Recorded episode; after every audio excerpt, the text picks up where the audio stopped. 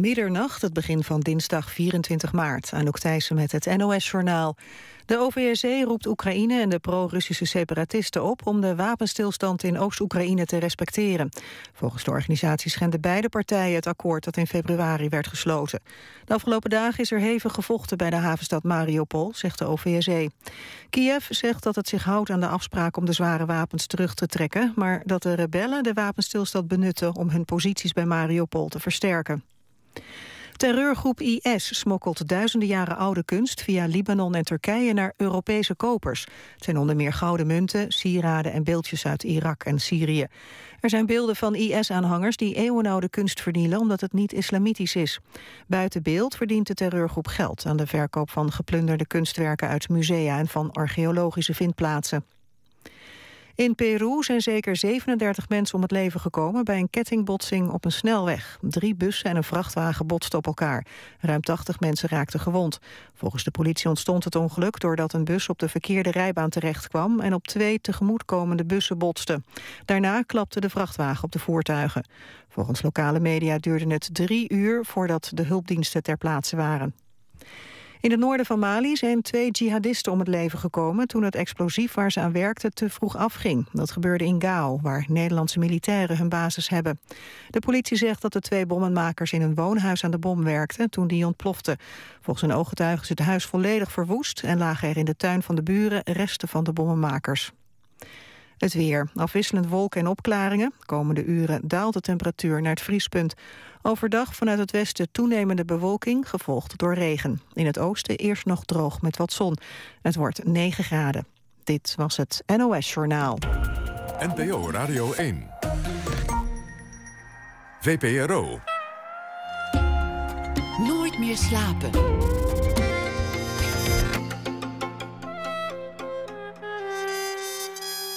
Met Pieter van der Wielen. Goedenacht en welkom bij Nooit meer slapen. Na één uur krijgt u een verhaal over de afgelopen dag van schrijver en dichter F. Starik. Deze week zal hij elke dag iets schrijven en voordragen.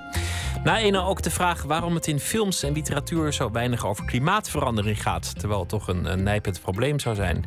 Laat het onderwerp soms iedereen koud of leent het zich niet voor fictie? Maar we beginnen met Anton Corbijn.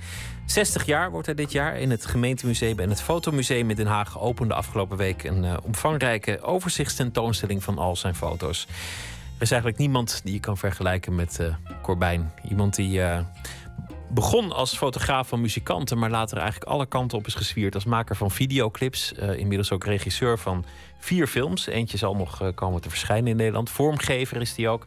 Hij ehm, fotografeerde ook abstract werk, vrij werk, kunstenaars noem maar op. En hij werd uh, geboren in Strijen in de Hoekse Waard.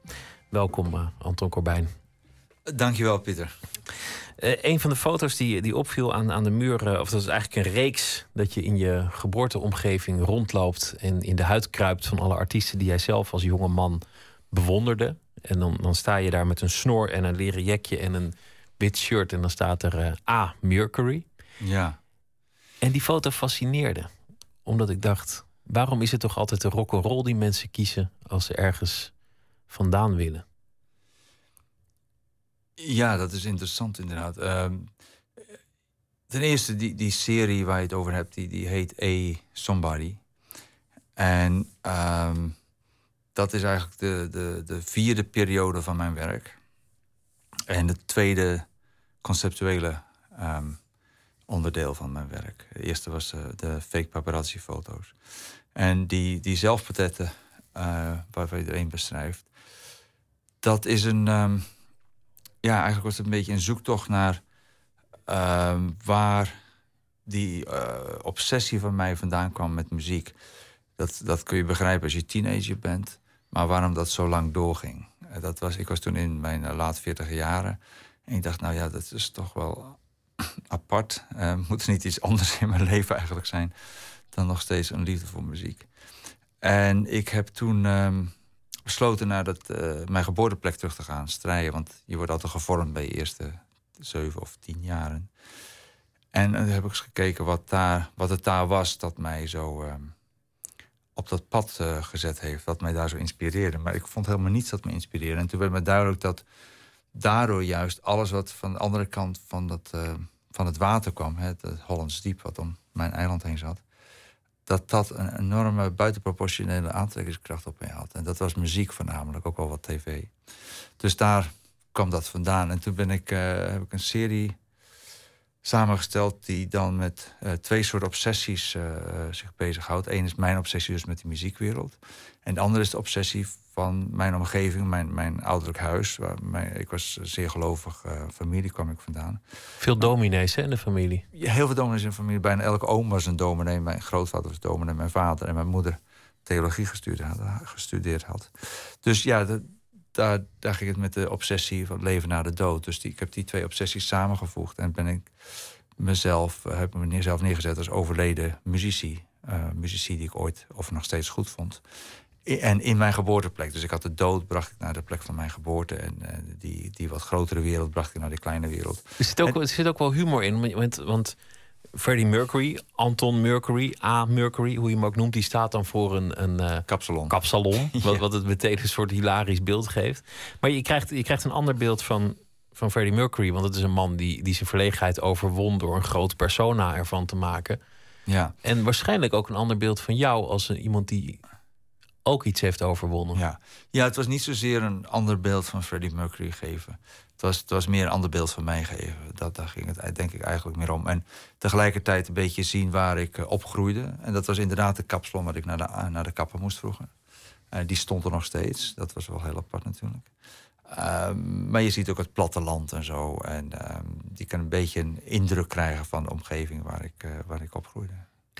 Waar, waar dan Mercury een groot persona ontwikkelt, maar daar gaat die foto niet over. Daar heb jij je, je verlegenheid, je schuchterheid, je ongemak overwonnen met een camera. Ja, dat was een enorm, uh, dat is een enorm paspoort geweest naar, uh, naar een sociaal leven. Ja. Wie was jij geweest zonder camera? Uh, ik, ik weet niet, ik moet zeggen, ik ik uh, had geen idee wat ik met het leven aan moest toen op die leeftijd. Dus ik, uh, mm, ja, ik ben heel blij dat uh, ik ooit een camera ben tegengekomen en toen opeens. Dat is een excuus om binnen te komen, een excuus om mensen aan te spreken, een excuus om met bands mee te reizen. Nou, niet een bands mee te reizen, maar mijn leven een, een invulling te geven. Dat was, het, ik, ik was. Um, ik had geen interesse in wat dan ook, geloof ik, behalve muziek toen de tijd. En uh, ik wist ook niks van fotografie, maar een camera was een manier om dichter bij uh, het podium te komen, echt letterlijk. En um, ik heb daarna een liefde voor fotografie uh, weten te ontwikkelen. En dat, dat ja, zoals je in de tentoonstelling ziet, heeft dat, is dat heel veel kant op gegaan. Maar muziek is waar het ooit mee is begonnen. En daardoor was het voor mij ook een hele logische onderwerpkeuze toen ik eenmaal een camera in mijn handen had. Je zei eigenlijk alles wat van de andere kant van het water kwam, dat fascineerde. En dat was dan de muziek, want die kwam je leven in. Toch, toch is dat iets wat, wat heel veel mensen hebben. Dat, dat in hun vormende jaren de muziek een, een toegang is tot een identiteit of een. Of een ja, en ik denk weg. vooral uh, in die periode, hè, 60, 70 jaar, was natuurlijk heel nieuw die muziek. Het was, het was een uiting van een uh, nieuwe generatie. Uh, het had een heel andere plek, denk ik, in ons leven dan het nu heeft. Dus ja, dat, dat was niet zo vreemd dat dat, dat heel erg opviel. En in mijn, ik zie net een poster hier van, uh, oh, nu ging die deur dicht, maar dit Blokker, waar de Beatles speelden. Mijn overbuurjongen van de boerderij, die, die was naar Blokker gegaan. Ik was toen negen. Maakte enorm indruk. Uh, het plaatsje Blokker in, in Noord-Holland. Precies, bij Alkmaar ja. ja. Um, dus ja, dat begon, dat begon te leven. En ik, uh, ik heb twee van de Beatles die overleden zijn, heb ik dan uitgebeeld ook in die serie. Eén is Lennon, ander is Harrison. Harrison overleed terwijl ik die serie bezig was. En die heb ik dan ook geplaatst om mijn ouderlijk, ouderlijk huis heen. Dus Harrison staat ervoor en Lennon staat in de tuin. Ook Jimi Hendrix, Janis Joplin. Je zei, ik, ik bracht de dood terug naar mijn geboorteplaats... waar de dood nooit ver was, want een familie van dominees. Dus die, die zagen alle mensen aan hun sterfbed en, en uh, ja, die zagen alle begrafenissen. Een, dat was ook een onderwerp van gesprek bij al aan tafel tussen mijn ouders. Van die is ziek en die is dat, weet je wel. Dat leefde heel erg. En wij keken vanuit ons huis ook uit op de kerkhof. Is, er, is, is er altijd een zekere, um, zeker gewicht bij jou gebleven en ook, ook in jouw werk? Ik, ik geloof het wel, ja. Uh, ik heb er ooit tegen gevochten. En dat, is onderdeel van die conceptuele series. Dus ook uh, vooral die, die um, blauwe serie, die Fake Paparazzi. Was een, een poging om, uh, om ja, wat luchtige foto's te maken. En dat is niet helemaal gelukt, want er zat dan steeds weer heel veel diepte in. Uh, en achteraf dacht nou ja, dat is, dat is gewoon zoals ik uh, in elkaar zit. En dan laat ik er uh, dankbaar voor zijn, want misschien maakt dat mijn foto's juist anders dan van andere mensen. Dus, maar het is moeilijk om, um, om weggooifotografie te maken voor mij, ja. Het wordt nooit een kiekje, maar dat heeft misschien ook wel daarmee te maken. Een, een, familie van dominees, opgegroeid in een, in een besef van sterfelijkheid. Een omgeving waar, waar een zekere zwaarte aan zat. Dat, ja, heeft... en je leven een functie geven. Weet je? Dus je moet ook uh, iets maken wat, uh, wat zin heeft op de een of andere manier. Ja. Dat het zo goed gewerkt heeft tussen jou en veel artiesten. Want het, het is echt een, uh, voor een aantal bands met zekerheid een, een wederzijdse relatie nog steeds en, en, en geweest met, met U2, met, met Nick Cave, die afgelopen zaterdag ook iets, iets kwam spelen op de opening. Heeft dat ermee te maken dat waarschijnlijk jouw mentaliteit hetzelfde was? Dat jij op, op jouw manier bezig was met hetzelfde waar die artiesten mee bezig waren? Uh, ik weet niet of het hetzelfde is, maar wel dezelfde intentie. Ik denk dat dat een belangrijk iets was. Uh, zoals ik al zei, ik had helemaal niks wat voor mij waardevol was in mijn leven tot ik fotografie ontdekte. En ik heb me daar toen helemaal ingestort om daar iets van te maken. Dus ik uh, voelde me altijd heel verbonden met mensen die dat in hun beroep ook deden. En uh, dus heel veel in die, van die muziekkanten, die, dat was ook een uh, alles of niks, weet je wel. En dat, dat had ik ook. Dus dan veel mensen die, die ik fotografeerde hadden eenzelfde soort ehm, relatie tot hun werk, zou ik maar zeggen. Of tot hun ambacht als ik had. Je hebt een film gemaakt over uh, Ian Curtis en, en Joy Division, uh, een aantal jaar geleden. Dan, dan zie je eigenlijk een, een bandje met heel veel energie, heel veel ambitie, um, goede ideeën. En eigenlijk geen ervaring, geen techniek en geen, uh, geen formele opleiding. Nee, nee. En dat zou, dat zou, zou je ook over jou kunnen zeggen als absoluut. jonge fotograaf. Ja, een, een beetje een punkfotograaf. Ja, ik was te verlegen om een punk te zijn, maar de, de attitude die waardeerde ik zeer. Ja, gewoon, gewoon Do it yourself, zoals het toen heette. Ja, ja, gewoon doen. En met, met heel weinig middelen kun je toch blijkbaar heel veel bereiken. Weet je? En dat, uh, um, dat, dat liet heel veel van die groepen zien. En dat, dat, ik had die mentaliteit ook. Ja. Um, dat werd niet overal gewaardeerd natuurlijk. maar ja, ik had toch blijkbaar een, een geloof, hoewel ik onzeker was, maar ik had toch een geloof in, in, in mijn werk. Dat, sommige dingen een waarde hadden. En ik wist niet goed hoe ik dat moest meten. Maar het zijn wel veel van de foto's die nu ook hier hangen in, in het museum. Die, die ik toen, waarvan ik toen vond, die hebben iets speciaals. En um, ik kon er niet goed mijn vinger op leggen. Maar, maar ze hebben toch wel de tanden steeds uh, doorstaan. Zou je nu nog steeds zeggen dat, dat je een, een do-it-yourself, niet technisch fotograaf bent? Of heb je het inmiddels zo goed geleerd dat, dat, dat er een soort techniek in je werk is geslopen? Zou je kunnen zeggen dat je kunt fotograferen inmiddels? Nou, ik. Uh,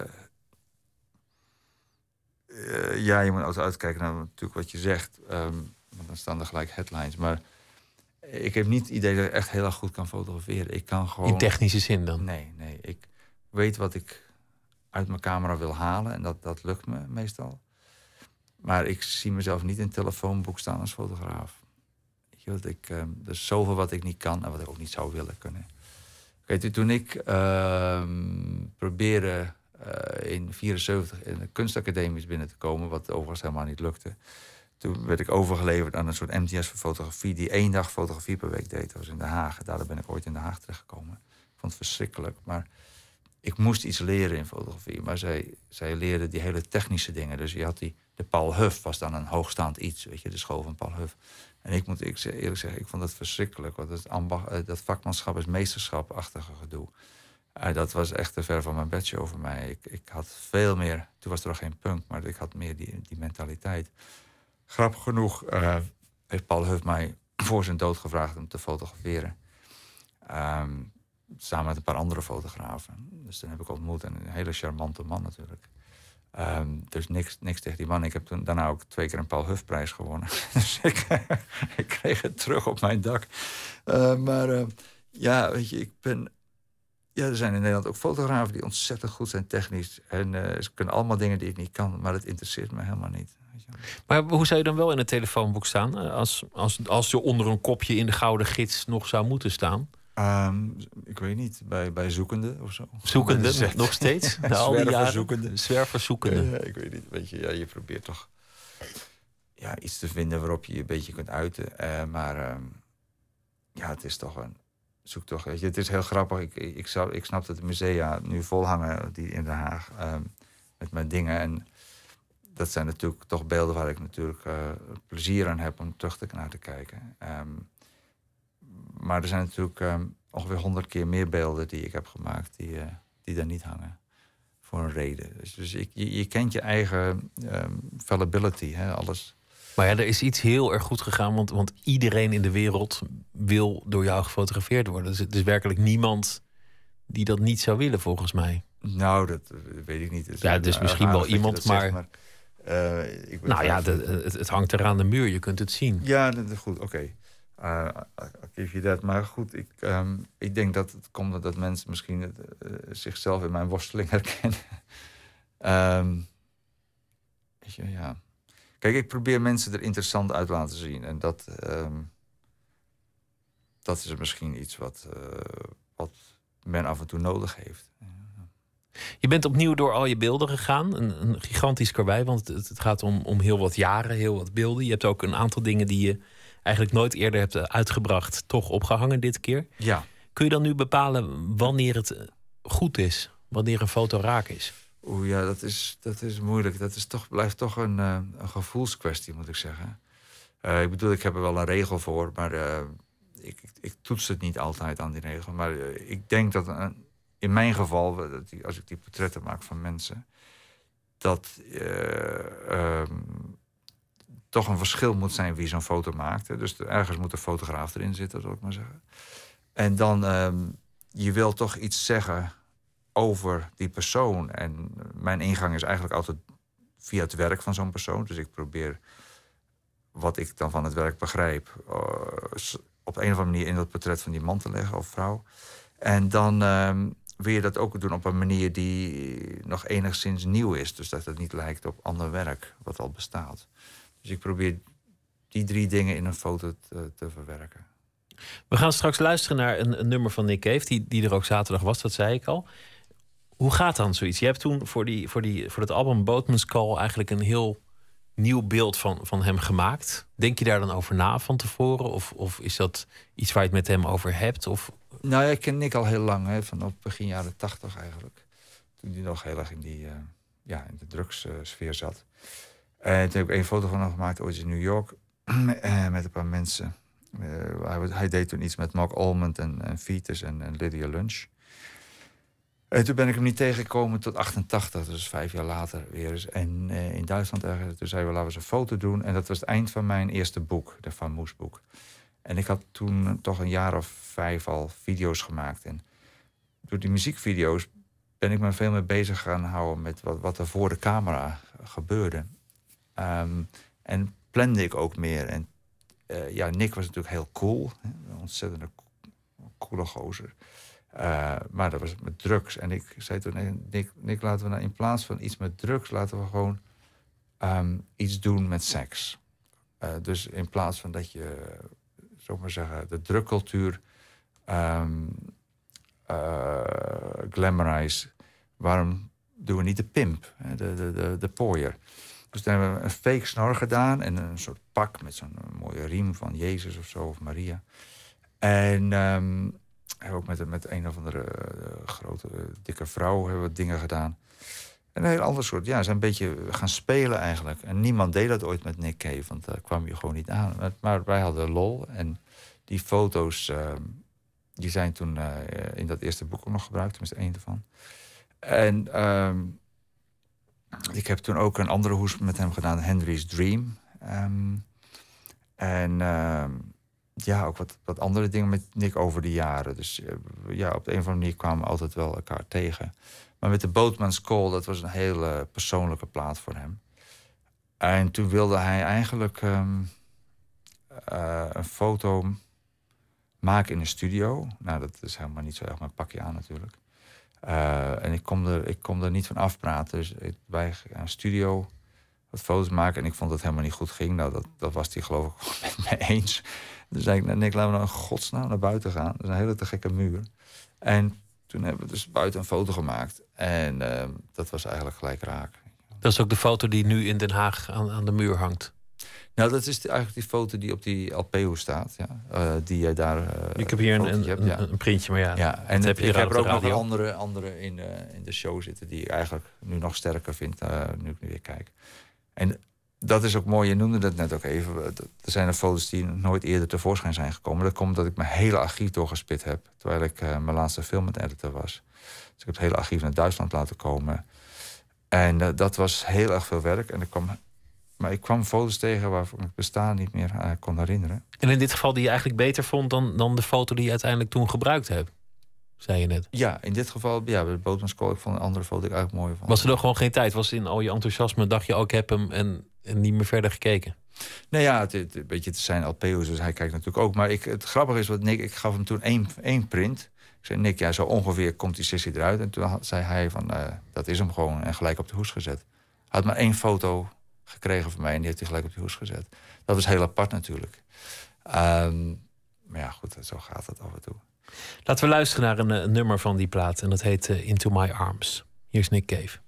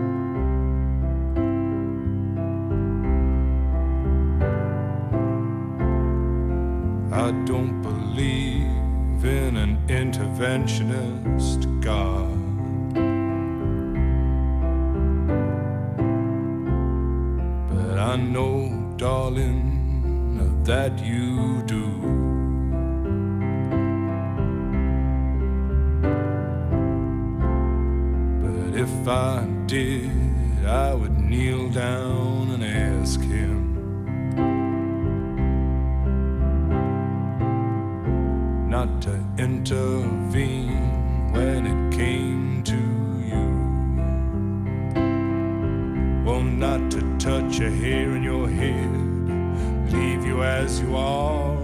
If he felt he had to direct you, then direct you into my arms. Into my arms.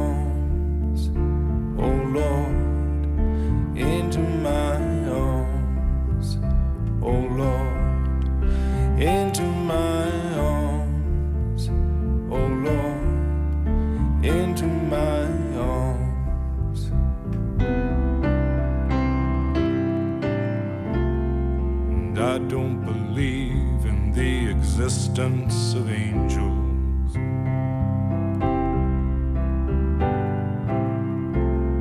But looking at you, I wonder if that's true.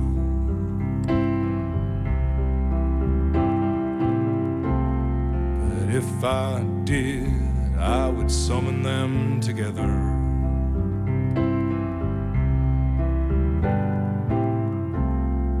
ask them to over you.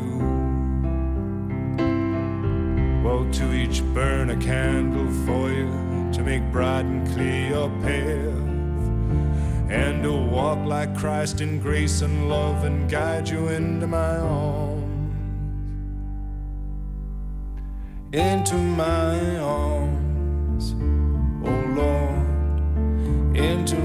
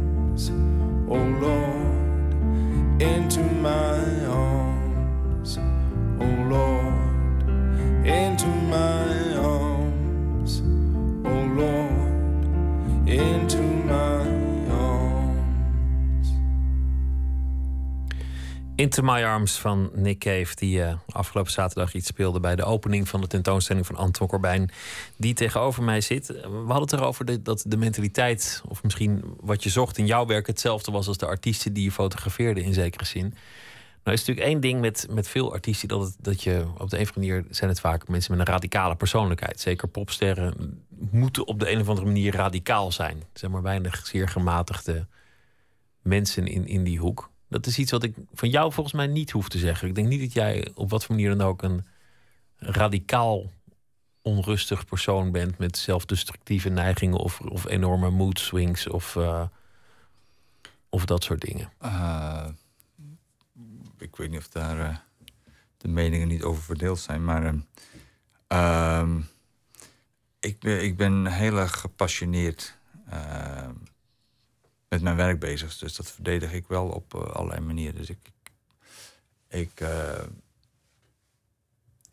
ik kan ongelooflijk kwaad worden als iemand er iets mee doet wat ik niet wil. Of uh, fout gebruikt of wat, dat soort dingen. Weet je. Als ik het gevoel heb dat het mijn werk schaadt, dan ben ik daar wel, ik wil niet zeggen radicaal in of zo, maar wel. Um, kan ik um, mijn emoties dan um, ja, die vliegen dan wel omhoog. Ja. dat is eigenlijk toch ook een vorm van radicalisme dat je zo gedreven bent. En je noemde het een, een levensvervulling daarnet. Mm -hmm. Je werk, dus, dus het is iets wat eigenlijk voor alles komt in jouw leven, heeft tot nu toe gewoon in het teken gestaan van dat werk. Absoluut. En als je kijkt naar die tentoonstelling, dan snap je ook dat dat alleen gemaakt kan worden door iemand die er gewoon altijd mee bezig is. Kijk, elke foto die ik maak is een reis. Hè. Het is niet, ben geen studiofotograaf, dus ik heb niet mensen die naar mij toe komen en ik maak even een fotootje of ik heb een, uh, mijn lichtopstelling klaar of zo.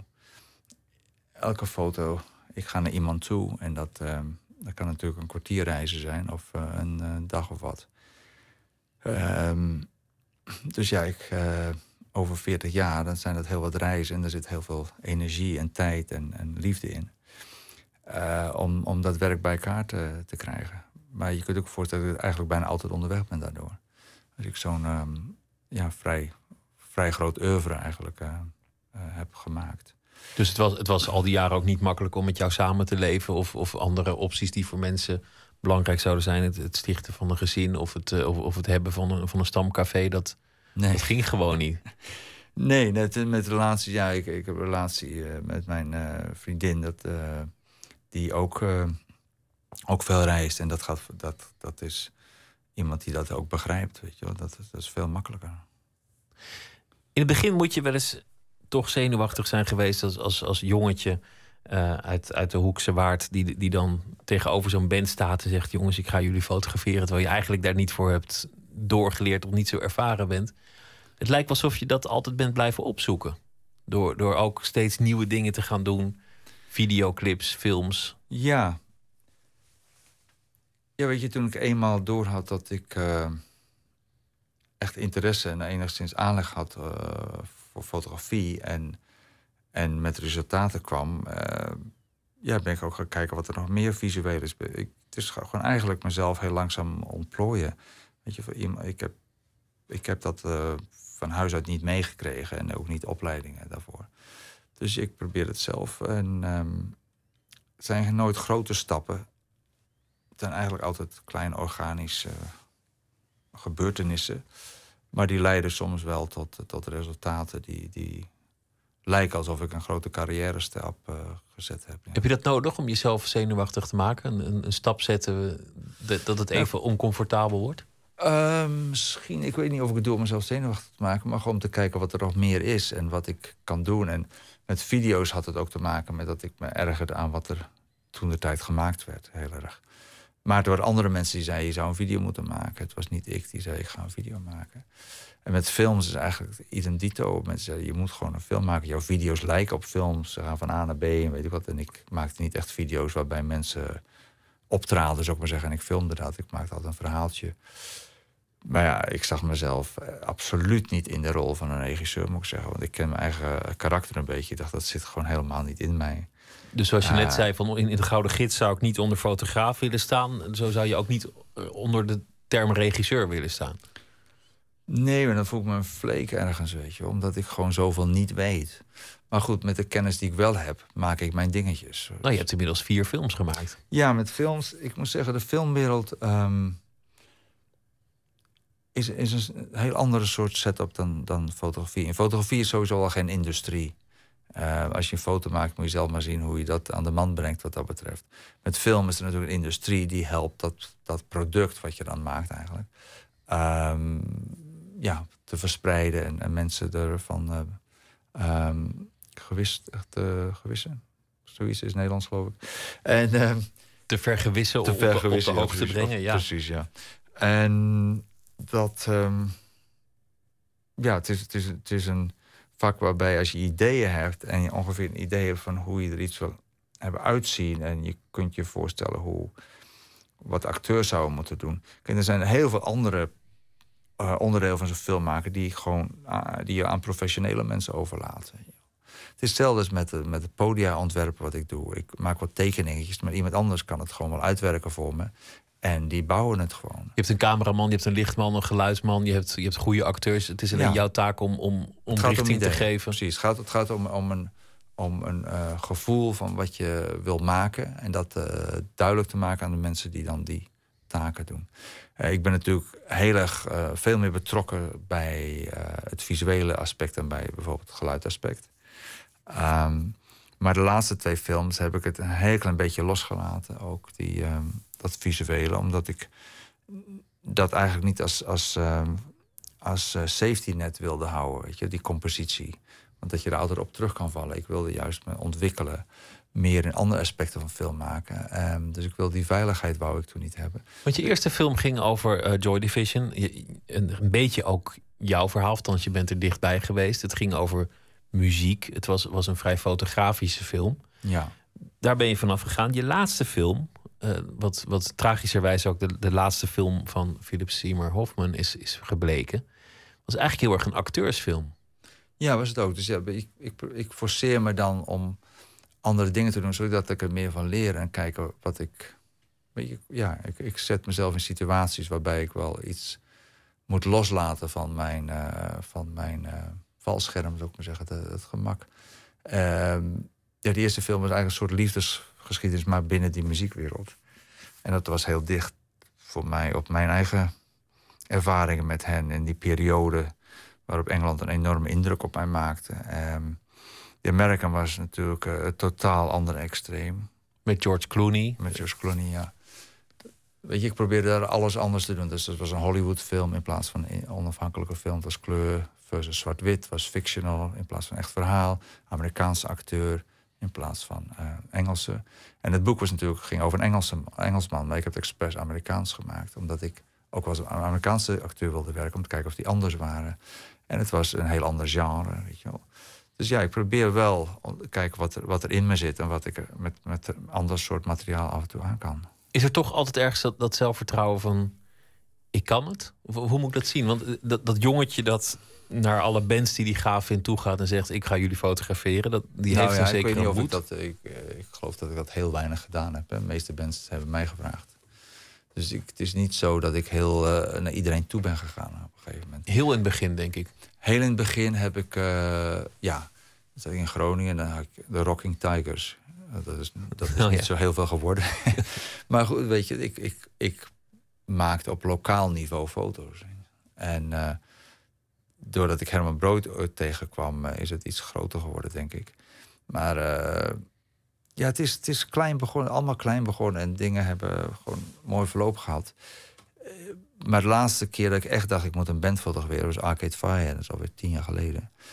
En dat was heel weinig met U2. Het was niet mijn idee om hen te fotograferen. Depeche Mode ook absoluut niet. Maar dat zijn toch de bands ook mee de meeste dingen gemaakt heb. Maar Tom Waits daarentegen wel. Kijk, individuele mensen is heel anders van mij. Zangers uh, is anders dan groepen. Het is een heel ander soort fotografie. En daarom heb ik dat in musea eigenlijk ook nooit laten zien. Behalve dan behalve deze show. Uh, want ik wou dat toch een keer vieren. En wij hadden het er dus net nog buiten de microfoon nog even over. Dat, weet je, het is, het is uh, een heel uniek iets. Die positie die ik inneem binnen die muziekwereld als fotograaf. Uh, daar is gewoon niet echt een equivalent van. En dat is natuurlijk heel apart. En daarom vind ik ook dat dat oké is om dat een keer te vieren. Vroeger, vroeger waren er wel mensen in, in de beginjaren van de rock'n'roll, in de 60s en 70s, die, die een rijk oeuvre hadden als, als popfotograaf. Absoluut. Ja, en daar ken ik er ook heel veel van. Er zijn nu, helaas nu een aantal overleden. Met David K. kende ik uh, goed. Uh, Jim Marshall ken ik goed. Um, Michael Cooper ken ik helaas niet, want die, die pleegde zelfmoord in 71. Um, Elliot Landy ken ik. Uh, Baron Wolman, weet je, al die ja, noem ze maar op. En, en daarvoor in de jazz was dat natuurlijk ook al heel erg aan de hand. Absoluut, ja. Maar dat, dat, misschien heeft ermee te maken dat mensen geen platen meer kopen. Eh, dat, het, uh, dat de fotografie op de achtergrond lijkt te zijn geraakt. Ja, voor mij, ik, als ik dan denk van waarom dook ik erin met, met mijn hele hebben en houders, dat, dat ik denk dat er een.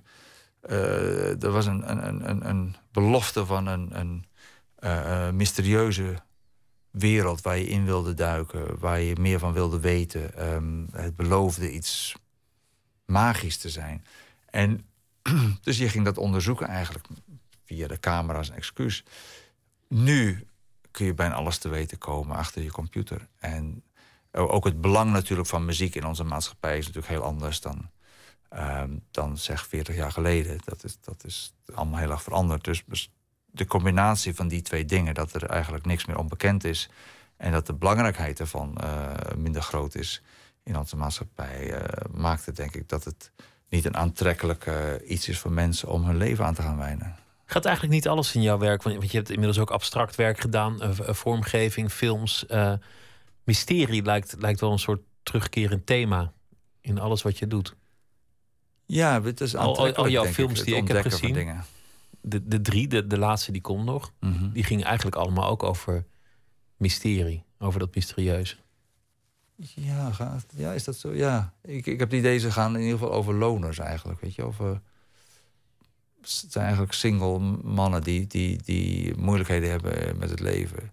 Um, dus zo zie ik het dan. Um, als, als, een, als eh, een, een, een factor die ze bij elkaar houdt die drie films. Want het zijn natuurlijk allemaal heel verschillende films. ik weet niet of het mysterie daar is. En het is natuurlijk al, in films al heel anders. In, films heb je eigenlijk altijd een afverhaal. In fotografie is niks helemaal af, wat mij betreft. Dat is ook wat mooie. Je kunt er heel veel bij verzinnen bij een foto.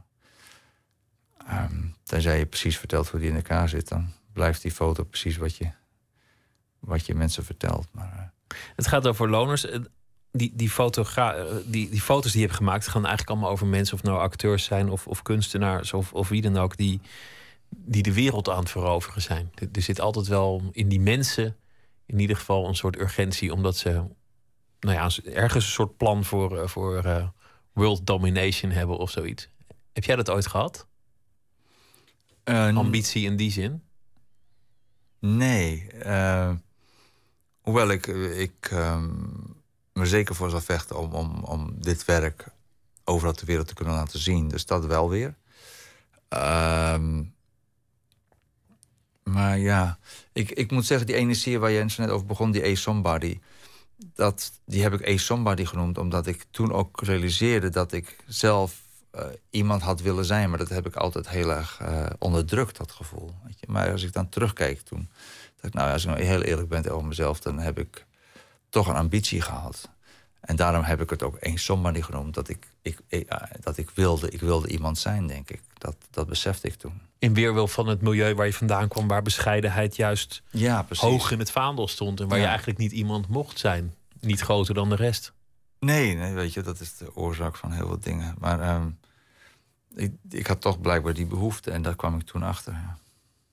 Je noemde al uh, Tom Waits. Ehm, daar wilde ik een, een, nummer van draaien. Heb je ook vaak gefotografeerd? Hangen ook veel uh, ja, foto's Tom, uh, heb ik minder, minder vaak naar YouTube gefotografeerd, maar wel over een langere periode van tijd. Met Tom, met Tom eerste keer al in 1977 uh, in Amsterdam. En toen, grappig genoeg, de eerste keer dat ik ooit naar LA ging was een jaar later, 1978. Uh, had een taxi genomen van uh, Los Angeles Airport naar het motel waar ik sliep. Dat was het Tropicana Motel. Dat was, dat was beroemd in de muziekwereld. Maar ik, ik, ik zweer, ik, ik open mijn taxideur... en uh, anderhalve meter van mijn deur zit Tom Waits op de stoep. Dus ja, ik dacht, nou, dat is natuurlijk fantastisch. En ik zat drie weken in dat uh, motel. En ik had hem uh, aangesproken van... ik wil graag nog een foto van je maken. En hij zei, ja, tomorrow man, tomorrow. dus dat was op de allerlaatste dag. Toen, uh, ik zag hem wegrennen van me. Maar toen heeft hij, heeft hij toch nog een, een, foto met mij gemaakt. En daarna, uh, een paar jaar later, heb ik hem weer gefotografeerd. Toen was hij door heel veel veranderingen gegaan. En toen zijn we eigenlijk bevriend geraakt. En toen heb ik hem heel vaak gefotografeerd daarna. We gaan luisteren naar het uh, nummer I'll Shoot the Moon.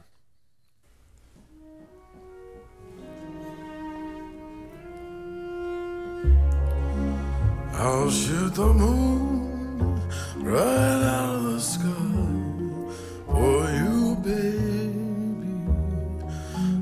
I'll be the pennies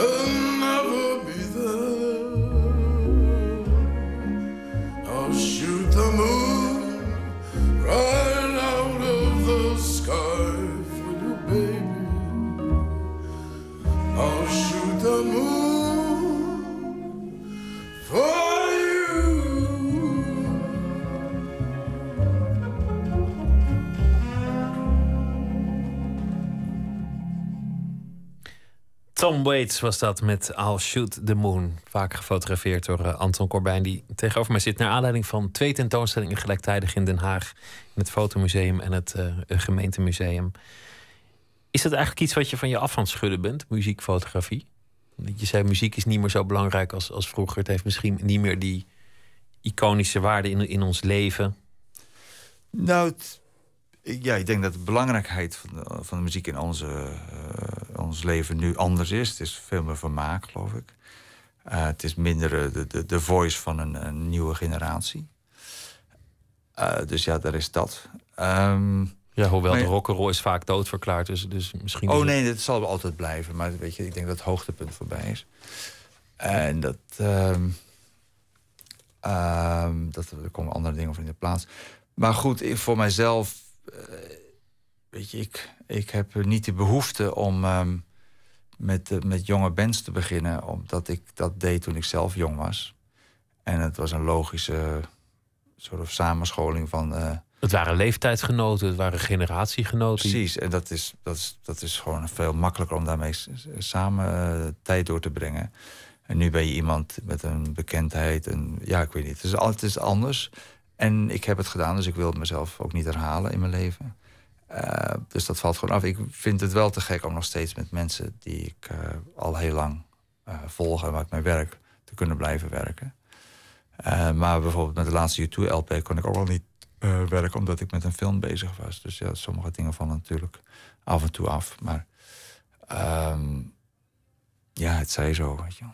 je groeit verder. Je hebt, je hebt figuratief werk gemaakt. Je hebt, je hebt uh, kunstenaars gefotografeerd, Lucien Freud onder andere, uh, Schiller, noem maar op. Um, je bent nou, met, die, met die films bezig gegaan. Dit is, dit is toch een van de weinige echte overzichtstentoonstellingen die je hebt gemaakt van die periode, van die muziekperiode, uh, van je vroege periode volgens mij. En je wordt 60. Dus die twee dingen samen, dan, dan nou ja, het was op een gegeven moment... Ja, je hangt het ergens aan op, maar met die muziekfoto's in het fotomuseum... ik had het idee van, oké, ik wil het een keer vieren. Weet je, ik ben, ben er trots op. Het is uniek, eh, de, positie die, die, ik daar heb. Uh, en tegelijkertijd dacht ik, als ik twintig jaar wacht... Dan, dan zijn er denk ik heel weinig mensen nog die beseffen... Uh, de belangrijkheid van dat werk binnen die wereld. Weet je, dat, ja, dan, ik bedoel, dan zijn er wel gelukkig ik denk dat de kracht van de foto's zodanig is dat ze wel overeind blijven. Maar ik denk dat je in veel gevallen in, in die tentoonstelling uh, toch wel meer waarde hebt als je iets meer weet over die uh, muziekwereld. Maar ja, je wordt, je wordt 60 en, en nee, alles dendert maar door. Dus het is ook een moment van bezinning. Je ziet al die foto's, je ziet jezelf als jonge man. Je ziet foto's die je vergeten was. Je denkt aan al die momenten. En dan zo'n ja. rond getal. Ben je, ben je daarmee bezig met een soort overpeinzing? Nee, niet zozeer. Niet, niet op de manier waarop anderen mij de hele tijd mee uh, confronteren. Uh, ik geloof wel dat als ik serieus door wil gaan met film... Ik, ik veel minder tijd aan mijn fotografie moet gaan besteden. Omdat, uh, om, om dat op dit niveau vol te houden... Uh, zowel film als fotografie is, is niet te doen. Dus ik Omdat zo'n film al acht, negen maanden is. Dus dan is je agenda gewoon een jaar uh, vol zo'n beetje. Ja, en ik, uh, ook het reden waarom ik met mijn laatste film live... al geen, geen snapshots meer zelfs heb gemaakt op de set. Dat deed ik mijn eerste drie films wel. En daar maakte ik dan een leuk boekje van. Uh, met wat schrijven erbij. Want ik vond het zo'n leuke herinnering. Maar ja, nee, ik, ik, word er heel serieus in nu, merk ik. En ik, um, ik zal fotografie gewoon een tijdje veel minder moeten beoefenen. Um, dus ja, terugbrengen tot, tot een hobbystatus. Ja. Je hebt aanvankelijk nog wel gezegd, nou, ik, ik maak uh, drie films, was het geloof ik, en dan, dan uh, bekijk ik het nog een keer. Dan ja. denk ik erover na, is dit wel wat ik wil?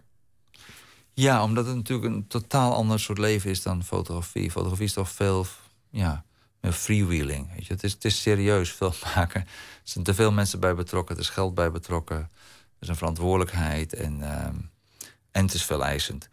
Maar ik heb dus met, na die derde heb ik direct een vierde gemaakt. Zodat eigenlijk, er was, was helemaal geen gat voor mij om uh, erbij stil te staan. En ja, nu ga ik gewoon door. Ja. Je volgende film gaat over James Dean en een uh, fotograaf van het magazine Life. Ja, nou, het, is... eigenlijk, het is eigenlijk andersom. Het gaat over een fotograaf van het magazine Life die James Dean fotografeert. Dus de, de, de, de hoofdpersoon is eigenlijk de fotograaf.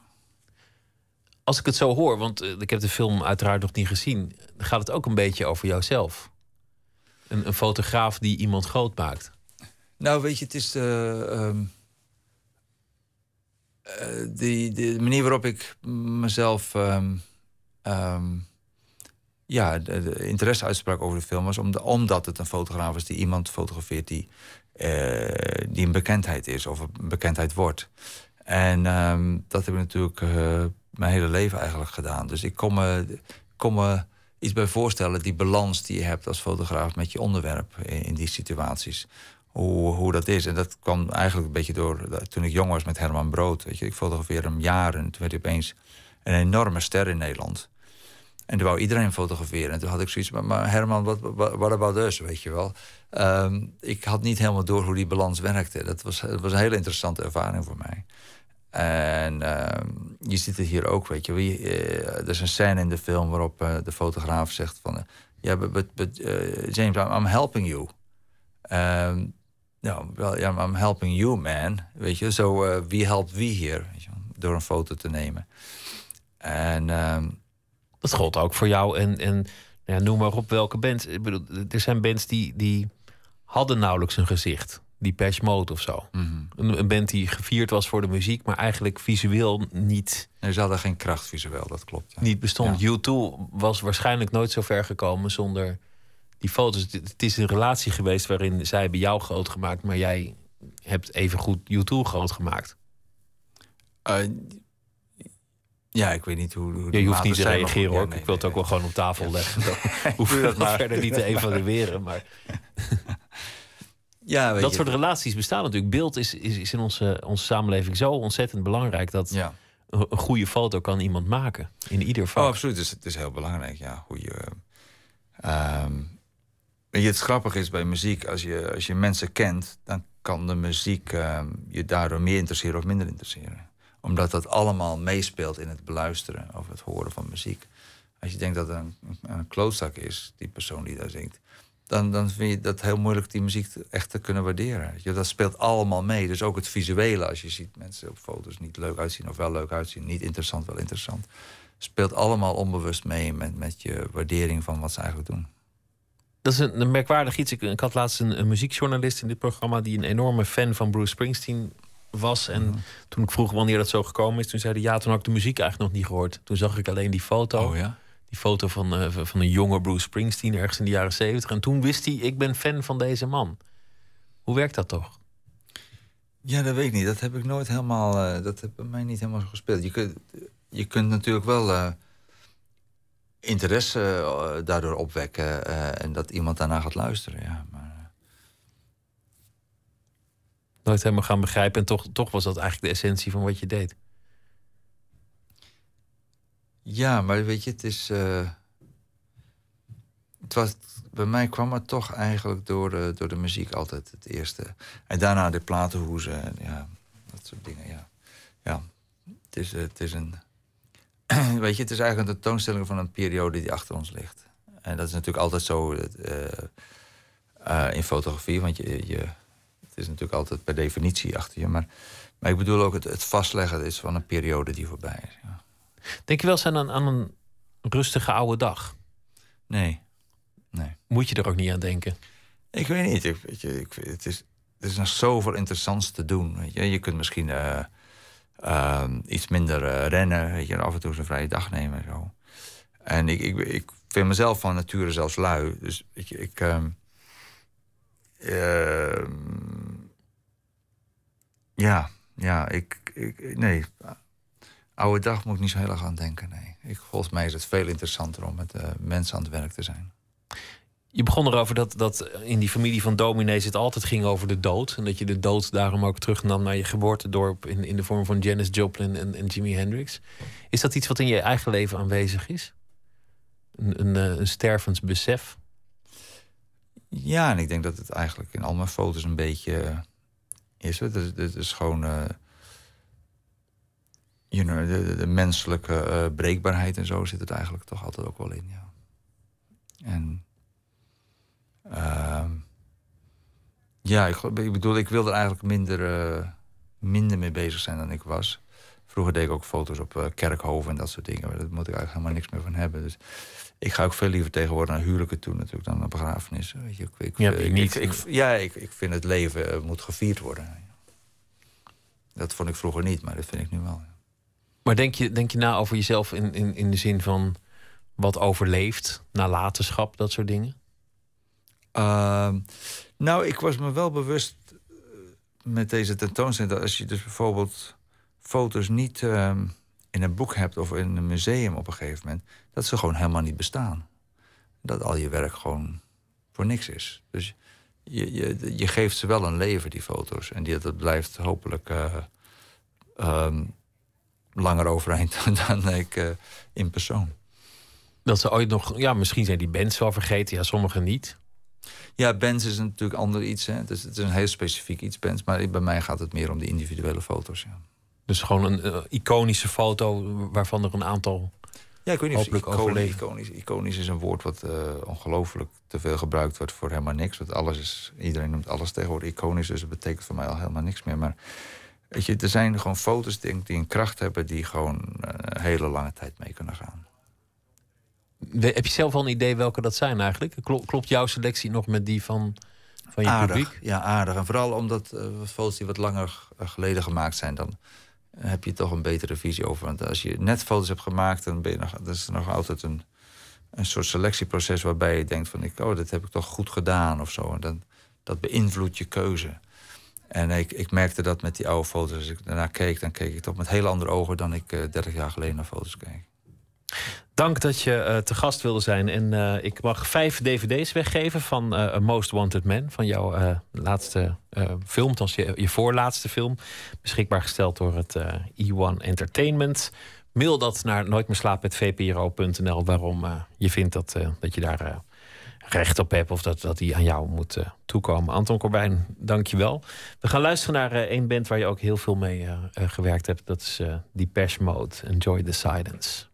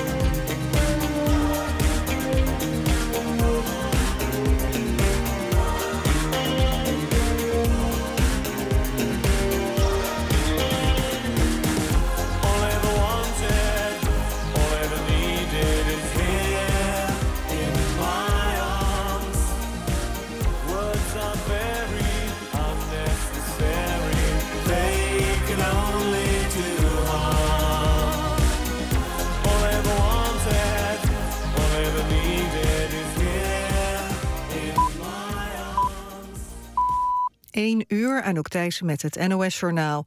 Mantelzorgers melden zich vaker ziek, blijkt uit een onderzoek van het Sociaal Cultureel Planbureau.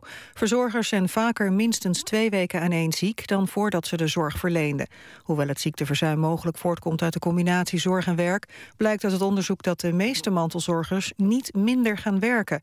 Ook blijkt uit het rapport dat het aantal mantelzorgers de afgelopen jaren is gestegen. De OVSE roept Oekraïne en de pro-Russische separatisten op om de wapenstilstand in Oost-Oekraïne te respecteren. Volgens de organisatie schenden beide partijen het akkoord dat in februari werd gesloten. De afgelopen dagen is er hevig gevochten bij de havenstad Mariupol, zegt de OVSE.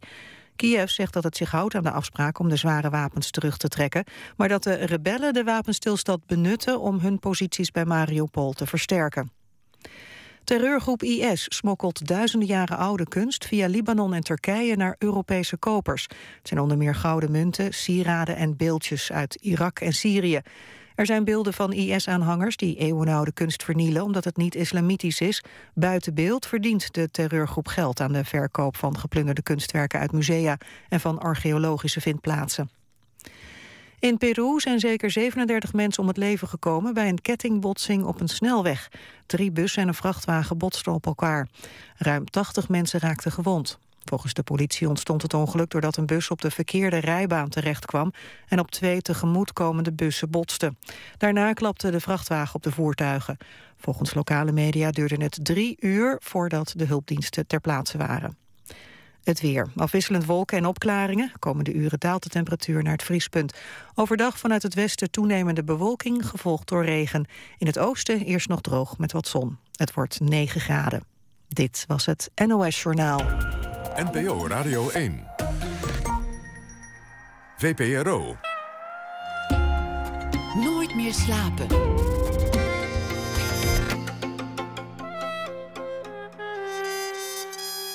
Met Pieter van der Wielen. U luistert naar Nooit meer slapen. F. Starik is eh, schrijver en dichter. Vele bundels op zijn naam staan. Zijn meest eh, recente heet eh, Door uit 2013. Datzelfde jaar verscheen ook het boek Moeder doen... waarin hij de belevenissen van zijn dementerende moeder beschrijft. Hij is ook initiatiefnemer van de Eenzame Uitvaart. En dat is dat een dichter een eenzaam gestorven Amsterdammer begeleidt bij eh, de laatste gang. Deze week zal hij elke dag een eh, verhaal voor ons schrijven over eh, iets dat hij die dag heeft meegemaakt. F. Starik, goeienacht. Hey. Vertel eens over de afgelopen dag. Ja, wat kunnen we over de afgelopen dag vertellen? Het was voornamelijk een ontzettend lange dag, omdat ik zo laat moest opblijven. Oh, je was ook gesproken ga ik direct naar Sesamstraat naar bed. zo vroeg? met een lekkere frisse pyjama aan en mijn haartjes netjes gekamd. Eh, ja, wat hebben we deze dag allemaal meegemaakt? Eh, eh, moet ik over politiek praten? Dan valt natuurlijk op die, die VVD-actie, grenzen dicht. en dat dan zo raar getimed meteen na de verkiezingen. Wat wel leuk samenvalt met die nieuwe minister Art van der Steur. Dat is een man uit een geslacht van maatpakkenmakers. En die schijnt recent in de trein gereisd te hebben. En toen verbaasde hij zich erover dat de mensen allemaal sportkleding dragen. Ja, dat las ik in de krant, dat hij dat ja, een gezegd had. van Bert Wagendorp. En, eh, Maar als je eh, erover nadenkt, heeft hij daar natuurlijk ook wel gelijk in. Wanneer is het eigenlijk begonnen dat iedereen permanent sportkleding ging dragen? Nou ja, ik denk dat de, de goede man bedoelde dat mensen sneakers aan hebben en een spijkerbroek. Wat ik persoonlijk ook een eh, affront vind. Ja, maar sport dat- in een spijkerbroek, dat, dat, ons, dat ons hele volk zo geuniformeerd eh, door de straat eh, gaat met een windjack aan. Dat is natuurlijk niet, niet geweldig. Verder zag ik vanavond bij, bij Pauw dat Bagdad tot een land gepromoveerd is. En Vertel was eens, wat- wat was dat? eh, nog, nog, nog geraakt door eh, alle boeren die bij de Wereldrijd Door verschenen. En waar het curieus was dat alle, alle, alle meegebrachte vrouwen hun haar geverfd had. En, en de boeren eh, hadden allemaal nat haar. ik denk dat ze in de, in de opmaak geweest waren. En dat de dames van de Grim gezegd hadden... ik doe er wel wat gel in, dat staat leuk. En dat gaf een buitengewoon merkwaardig effect. Ehm, Kortom, je- had, je had veel inspiratie voor, eh, voor een verhaal, want dat was eh, het verzoek. Of je nou ja, nee. Dat, dat, Nee. eh, de inspiratie voor het verhaal was eerder dit weekend al ontstaan.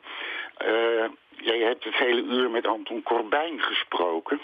Ja, Waar, waar fucking Nick Cave, eh, een van mijn grootste helden, eh, dus op de opening kwam spreken. eh, en zingen. En daar heb ik een verhaaltje over geschreven. ik ben benieuwd. Draag En voor. eh, ik, heb dat, ik heb dat in een soort Engels gedaan. Omdat ik eigenlijk een, een brief heb gemaakt. Ga je gang.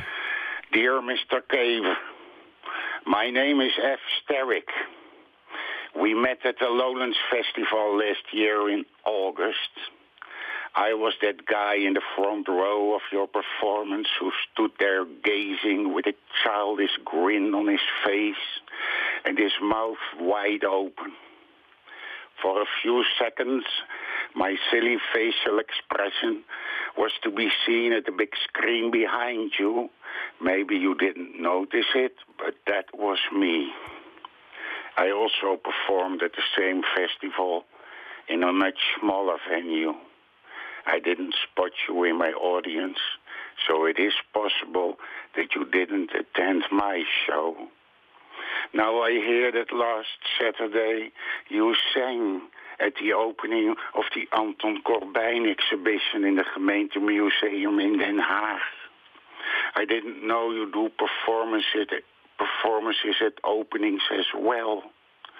So I thought it would be a great idea if you would be able to come and sing at the presentation of my new collection of poetry that will be launched in November this year. I know you're a busy man, so I thought I'd ask you already now so you can plan your visit in advance.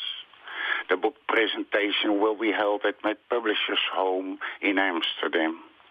Regretfully, we cannot offer you traveling expenses, but the drinks will be on the house.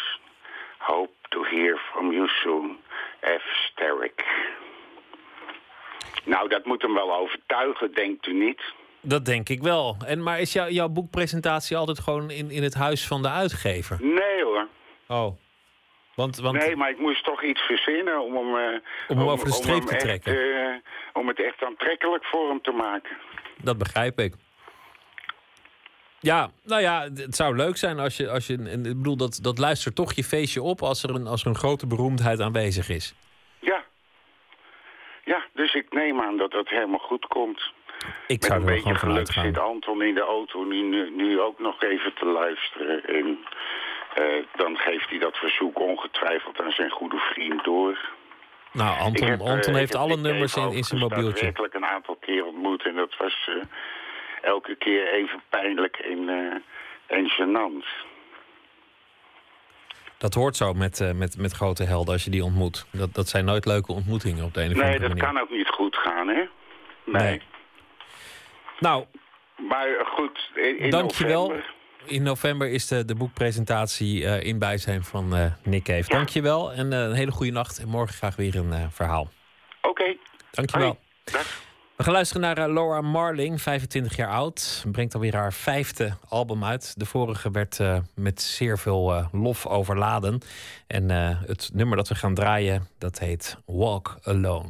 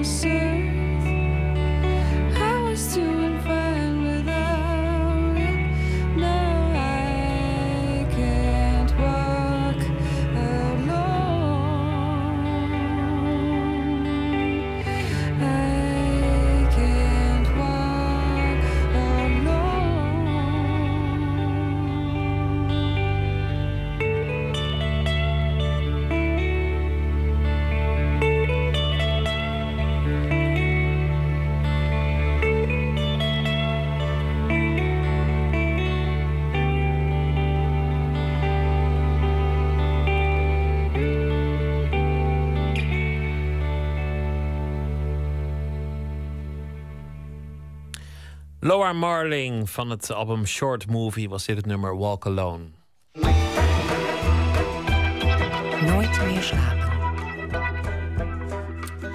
In Eindhoven op het eh, voormalig eh, Philipsterrein, Strijp S, heeft zich de afgelopen jaren een broeinest voor de kunstenaars en creatieve start-ups ontwikkeld.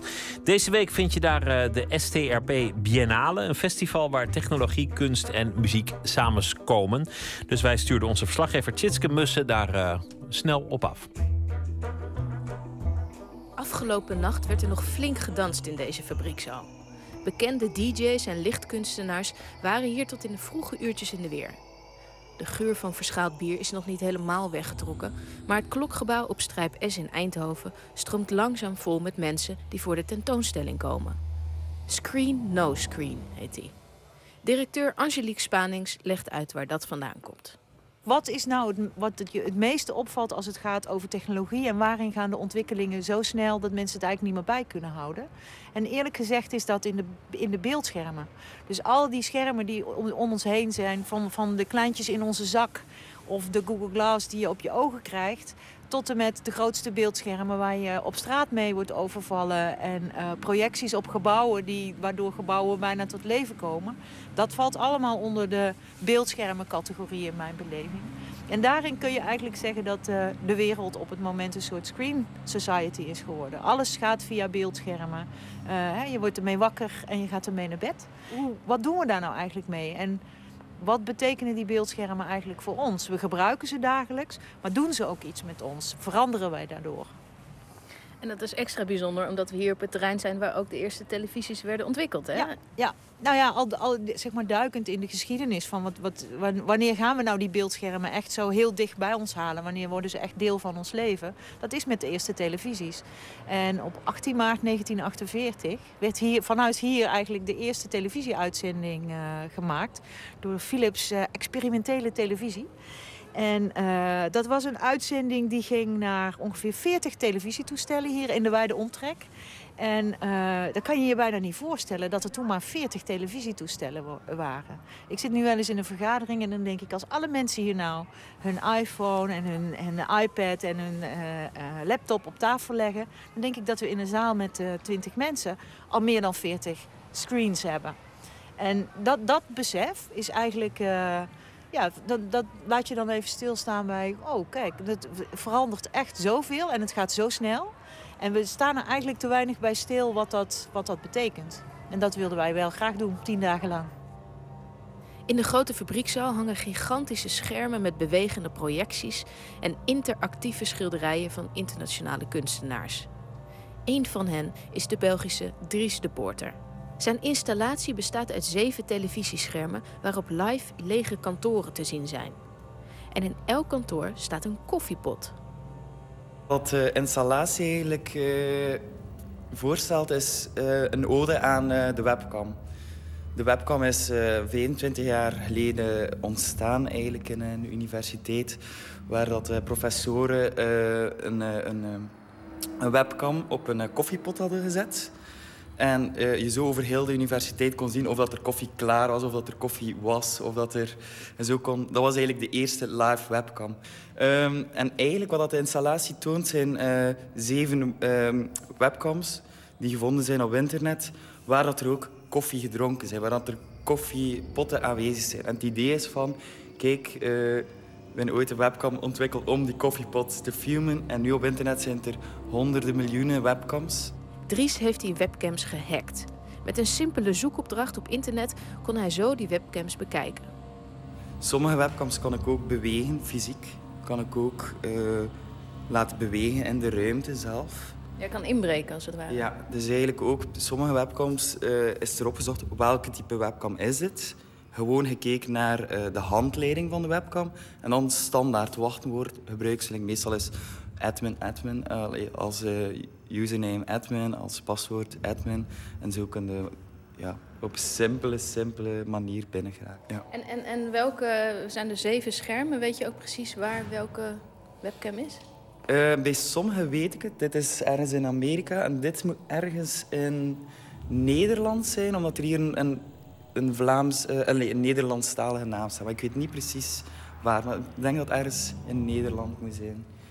Eh, op sommige camera's heb ik ook al mensen, bijvoorbeeld hier zit er heel veel iemand uh, patience te spelen, een kaartenspel op de computer.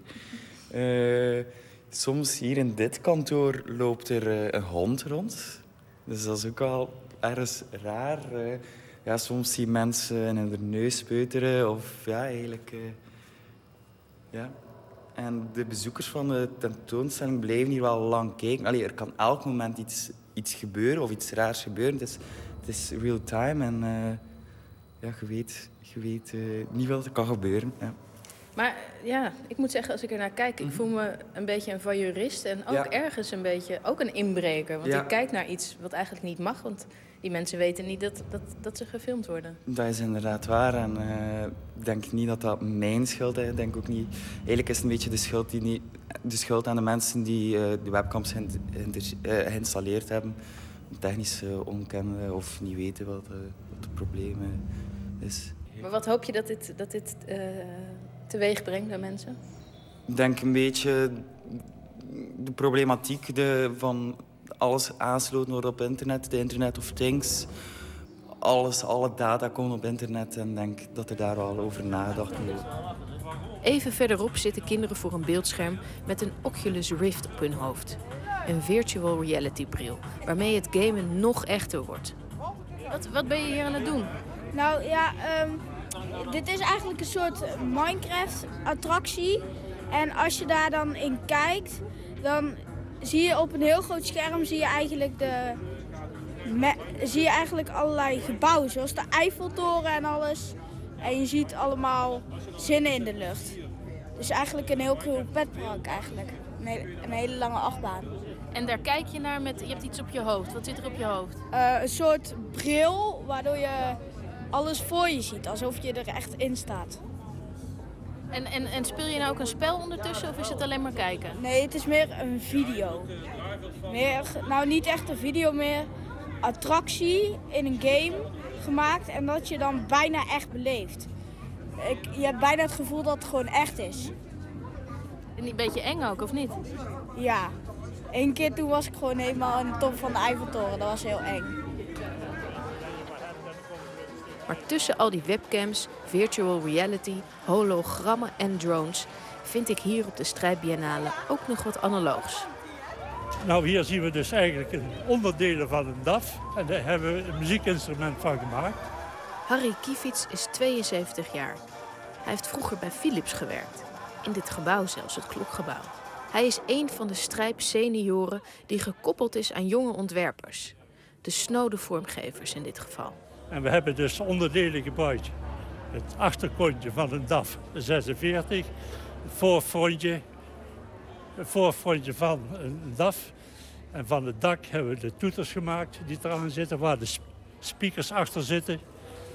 Eh, de auto-aandrijvende variamatiek van een DAF, die zit erin. Die hebben we gebruikt om de dynamo aan te drijven. Waar dus de cassette recorder ook van 1974 op zit. Waar we dus door het draaien van de slinger, waar we dus de DAF eigenlijk vroeger maar aan moesten slingeren. Want die was dus verder niet aan te duwen of te slepen. Hebben we gebruikt om de stroom op te wekken en de lichten te laten branden en de cassette recorder te kunnen laten spreken.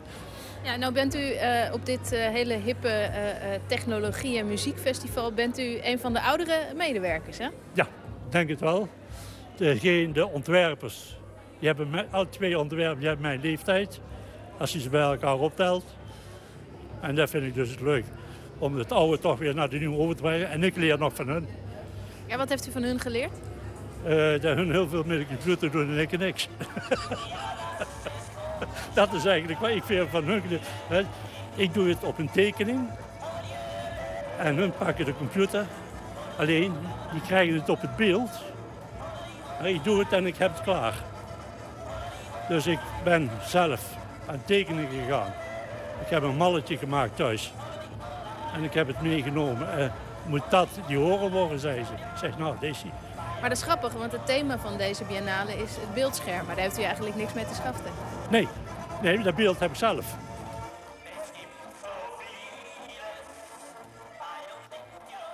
Tjitske Mussen vanuit eh, Eindhoven. De Strijp Biennale is daar nog te zien tot 29 maart. Van Morrison, eh, een man die een briljant oeuvre heeft gemaakt. Fijngevoelige nummers vaak, terwijl het een hork van een fan schijnt eh, te zijn. Maar dat maakt natuurlijk niet uit als hij maar mooie muziek maakt. Vorige week kwam een album uit, Duets. Met allemaal duetten met beroemdheden als Joss Stone... en de inmiddels helaas overleden Bobby Womack. Een prachtige plaat, schijnt. Ehm, we gaan alvast luisteren naar een nummer samen met Mavis Staples, inmiddels 75 jaar oud. De titel is If I Ever Needed Someone. Lord, if I ever needed someone, I need you. Lord, if I ever needed someone, I need you. See me through the daytime, through the long, through the darkness. Yeah, on into the light. Stand with me when I'm in trouble and help me through my strife. When times get so uncertain, I turn to you, turn to you in my life. Lord, Lord, if I ever needed someone,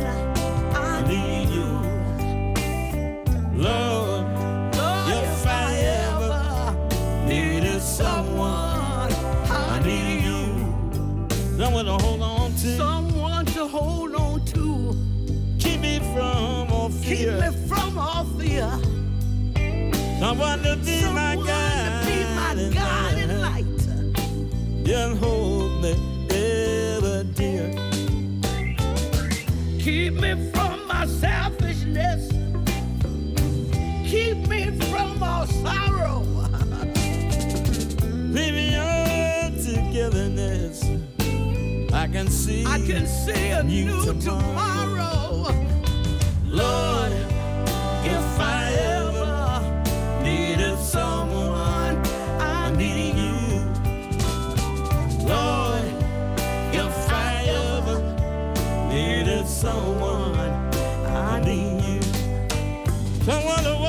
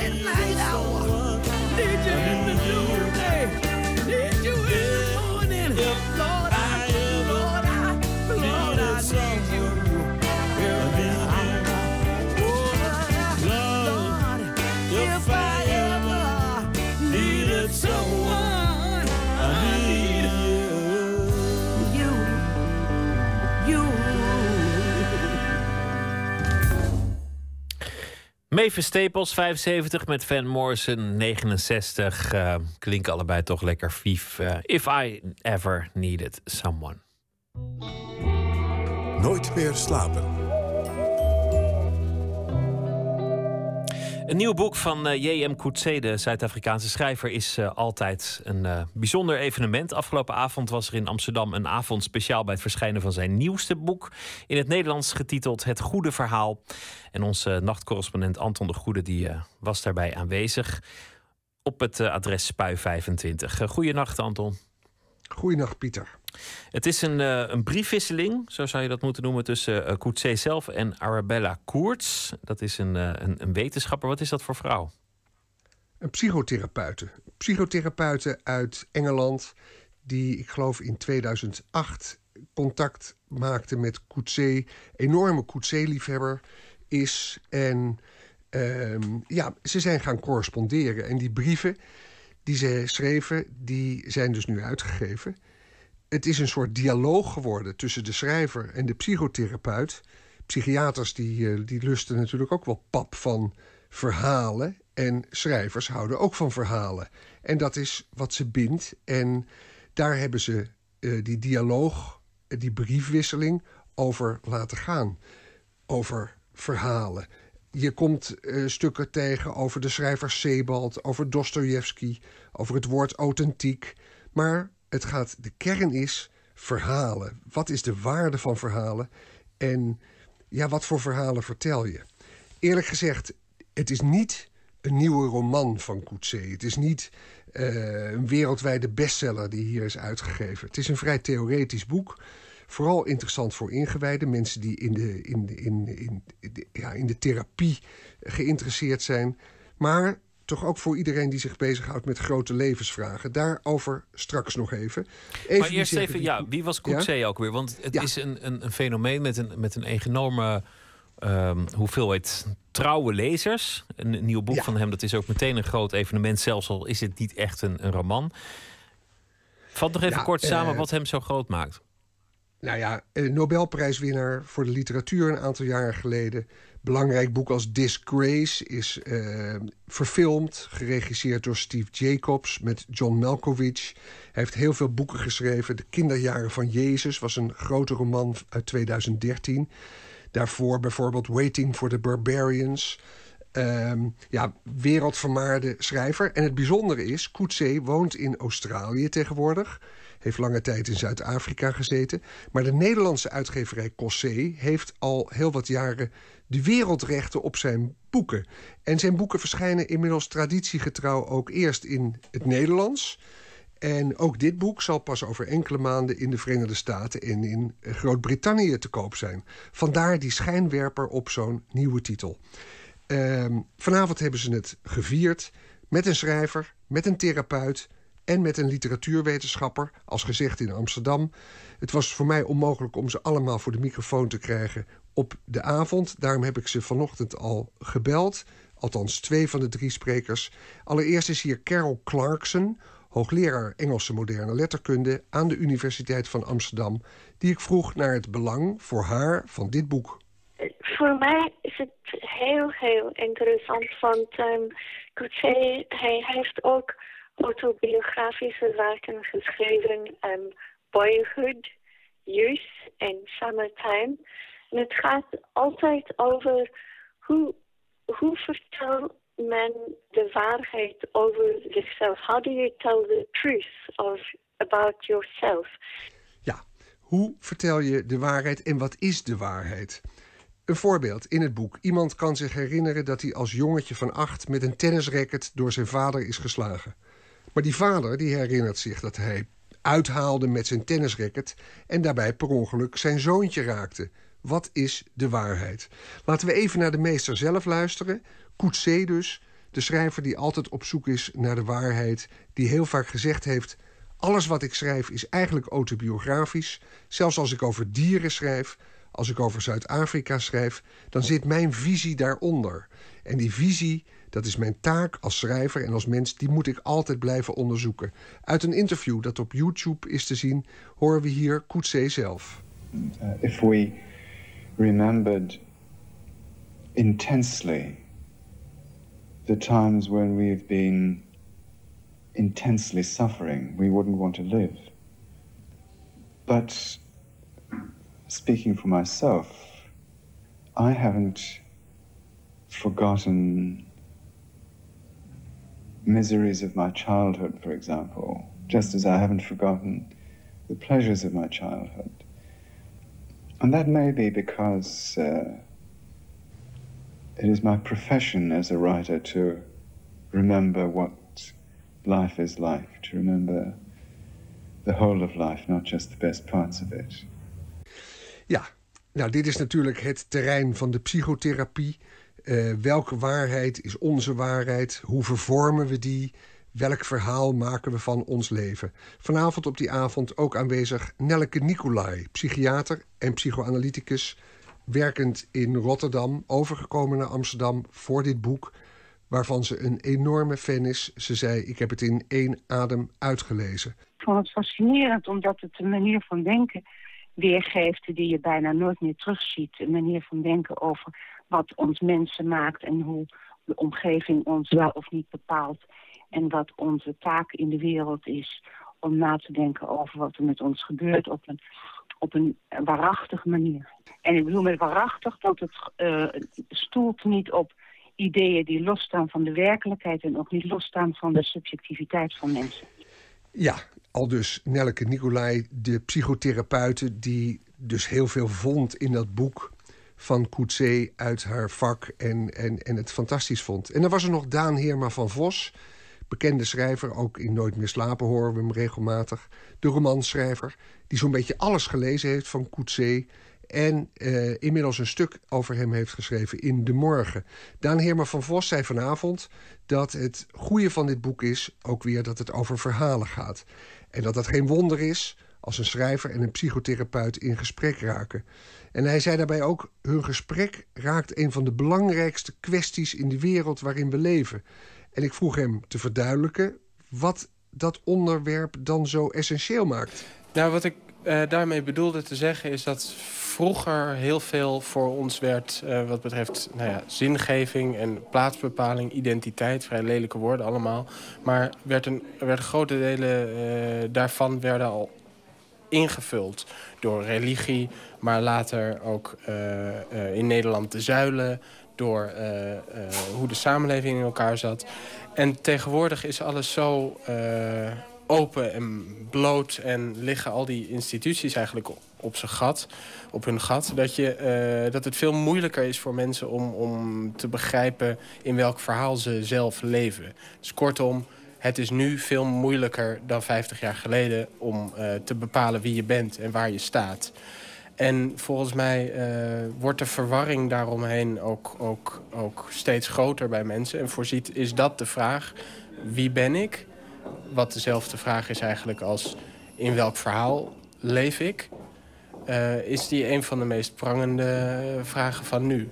Ja. Klinkt ook als, uh, als echt een thema van, uh, van Coetzee, Anton. Toch een boek, boeiend boek als ik het zo hoor.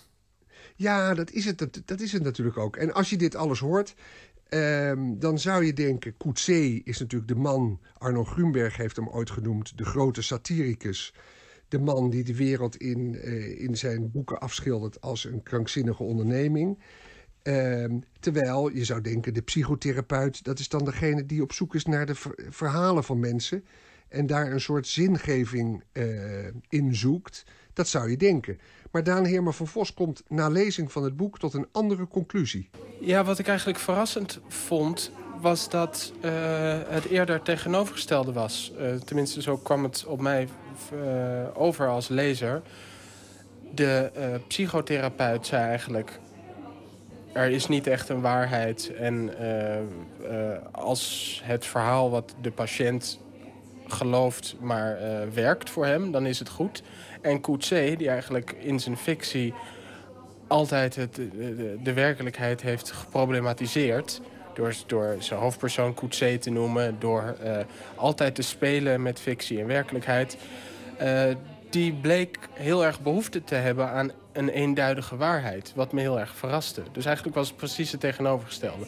Coetzee bleek eh, toch te verlangen naar een soort absolute werkelijkheid. Ook al, ook al kun je die nooit kennen, zei hij erbij. Maar hij is er volgens, volgens hem wel. En Koerts eh, deelde dat niet. Die was veel eh, pragmatischer ingesteld eigenlijk. Dankjewel, eh Anton de Goede, over het eh, nieuwe boek van eh, J.M. Coetzee met de titel Het Goede Verhaal. Goeienacht. Goeienacht, Pieter. Steve Gene Walt is ook eh, beter bekend onder de naam C6 Steve. Hij is eh, 74 jaar oud en in september zal hij naar Nederland komen voor eh, vijf optredens. ehm, naar aanleiding van een nieuw album Sonic Soul Surfer. Een van de nummers daarvan is Heart Full of Scars.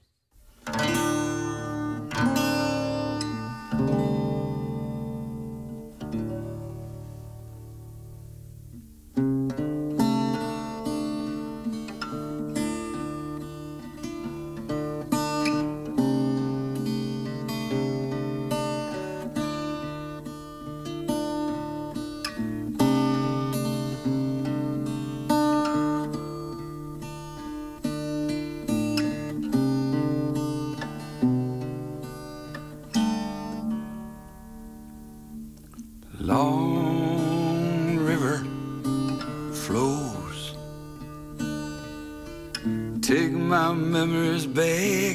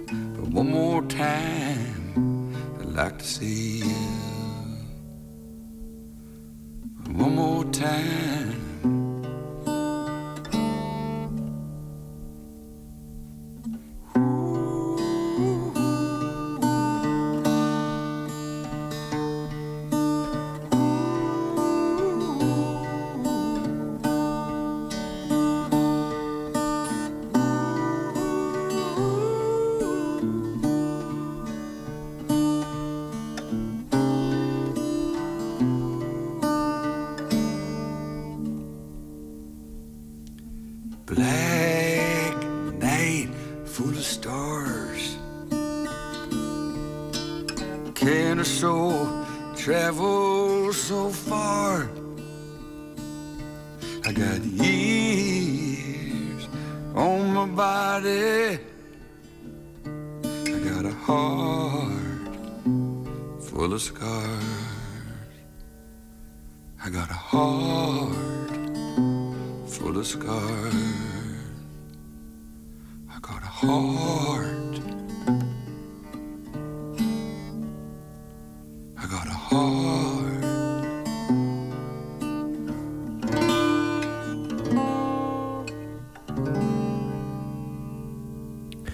Heart Full of Scars van eh, C6 Steve was dat.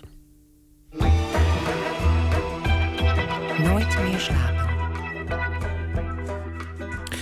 Elke dag staan de kranten vol met berichten over eh, de klimaatverandering, stijgende zeespiegel, uitdrogend land, eh, megastormen, noem maar op. Een belangrijk thema zou je zeggen, en dat zou dus ook wel moeten terugkomen in film en literatuur. Maar dat is niet het geval. Het klimaat laat filmmakers en schrijvers kennelijk koud. Waarom zou dat zo zijn, vraagt eh, verslaggever Maarten Westerveen zich af, samen met filosoof en schrijver Justin Waarts en wetenschapper Maarten Haaier. Ik werd er laatst door een stuk van journalist Wester van Gaal op gewezen. Voor iets dat zo ingrijpend is als klimaatsverandering is er maar bar weinig literatuur en film van gemaakt. Een belletje langs onder andere het KNMI bevestigt het. Veel meer dan de film The Day After Tomorrow uit 2004 notabene komt er niet uit. Als rampenfilms een werkelijke afspiegeling zijn van wat de wereld bedreigt, dan zouden we ons veel beter moeten voorbereiden op zombies en aliens. Maar dat is niet zo. Ik spreek professor Maarten Haaier van het Planbureau voor de Leefomgeving. Waar blijven de klimaatromans?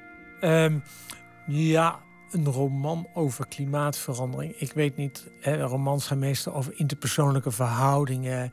eh, je eh, een beetje verhouden tot, tot de ontwikkelingen in de tijd.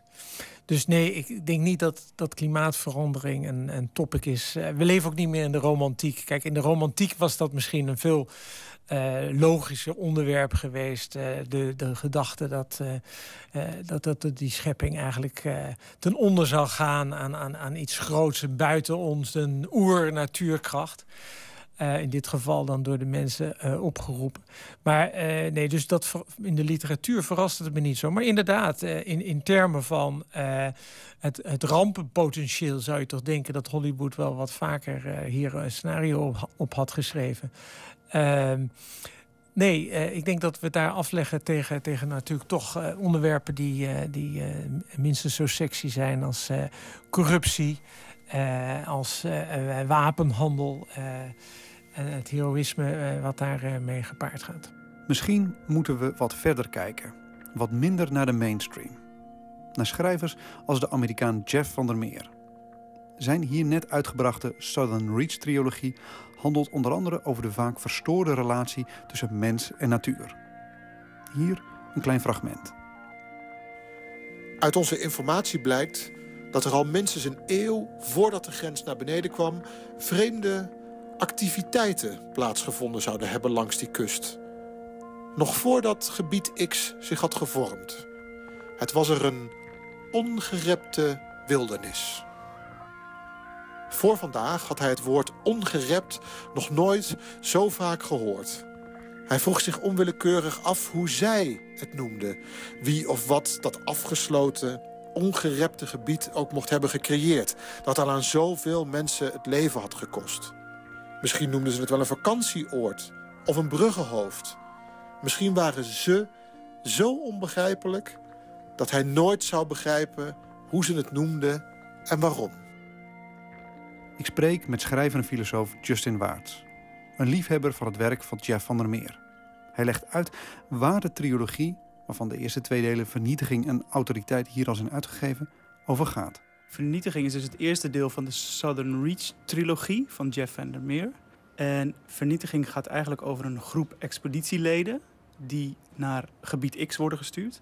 En het enige wat je in het begin van het boek weet is dat de vorige 11, 12, ik ben het getal even kwijt, expedities zijn misgegaan. Mensen zijn niet teruggekomen, die kwamen ziek terug of zijn uitgemoord. Ehm, en deze vier nieuwe expeditieleden gaan dat gebied in, niet wetende wat ze daar aantreffen, maar Ze moeten op een of, andere, manier- dat gebied dus in kaart gaan brengen. En dan komen ze vervolgens in aanraking met een aantal dingen. Dat is, dat is het eerste deel van Jeff Vandermeer. En het tweede deel is trouwens ook nu net uit. Autoriteit. Eigenlijk hij heeft een hele open en brede blik op wat er allemaal mogelijk is. Hij is niet alleen schrijver, maar hij, ehm, hij is ook uitgever. Eh, doet samen met zijn vrouw Anne Vandermeer in Amerika heel veel ehm, om jonge, nieuwe schrijvers een, een plek te geven of een podium te geven. Ehm, hij brengt samen met zijn vrouw anthologies uit, dus een soort, soort bloemlezingen van. eigenlijk een be- beetje zo binnen het genre wat ze de New Weird noemen. Eh, en dat is eigenlijk een soort hele brede paraplu waaronder heel veel kan. Dat zijn fantasy-auteurs, science-fiction-auteurs, horror-auteurs. Die eigenlijk allemaal onder die brede paraplu van, van de New Weird eh, een podium krijgen via Jeff en Anne Vandermeer. En dat, dat idee vond ik, vind ik sowieso heel sterk. Ze scouten in Amerika, scouten ze naar nieuw talent. En inmiddels ook daarbuiten. Dus dat, zo zijn werk niet alleen als schrijver, maar ook daarnaast, wat hij naast het schrijven doet, dat, dat vind, ik, vind ik bewonderenswaardig. Ja, wat, ehm, hoe zou jij... ehm, nou ja, wa- wat, wat maakt een goed Van der Meer verhaal? Ehm, ik denk een hoop suggestie.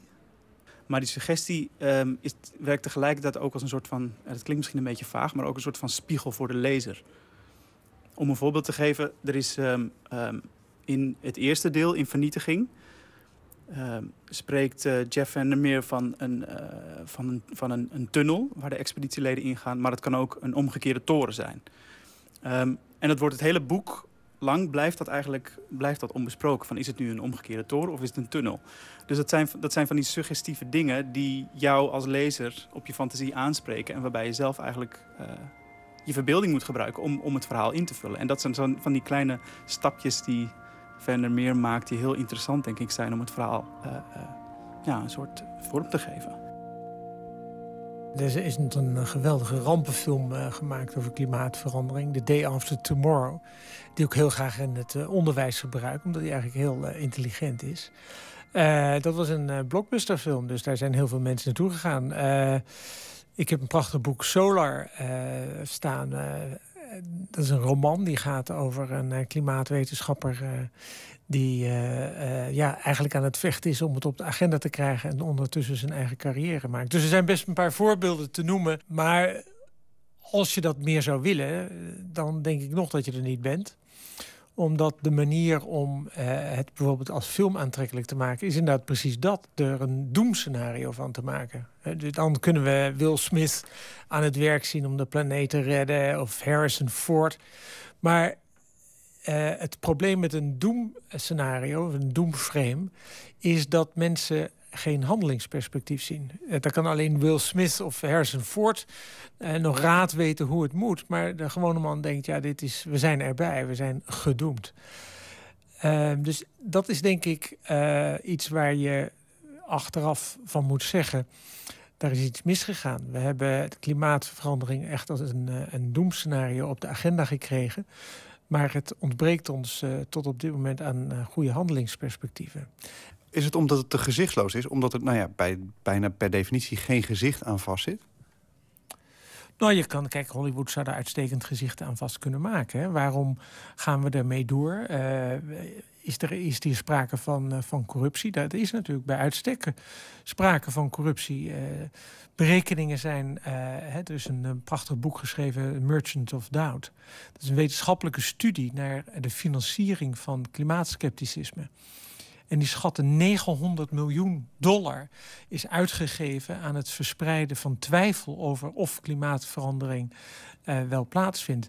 Kijk, eh, daar kun je dus wel een, een boekje en, of een film van maken natuurlijk.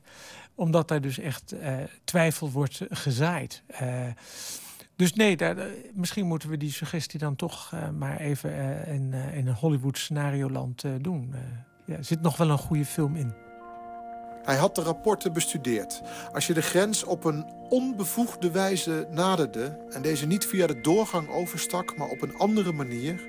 werd je nooit meer teruggezien. Hoeveel mensen zouden dat ongezien al gedaan hebben? En sowieso in, in genre-literatuur staat omgeving denk ik heel veel centraal. Of steden, of in dit geval bij, bij, bij Vandermeer ook natuur. Die natuur die is ergens heel, heel vijandig in het boek. Maar tegelijkertijd merk je ook bij de personages dat ze zich erin willen onderdompelen en eigenlijk daartoe willen behoren. Het lijkt alsof er minder bij genre-literatuur minder wordt gefocust op de psychologische ontwikkeling van, van de hoofdpersoon of van de personages. Ehm, en meer wordt gedaan eigenlijk om personages in een grotere structuur te plaatsen. Ehm, zoals in de natuur bij Jeff Vandermeer. Die vijandig kan zijn en die mooi kan zijn en prachtig kan zijn. Dus er zit, ergens zit er ook iets nostalgisch zo daar, daaraan. Als ik, als ik ehm, verschillende boeken binnen dit genre lees, dan is het denk ik dat dat, dat, dat het is. Dat ehm, personages veel meer in een grotere structuur of een groter geheel worden opgenomen.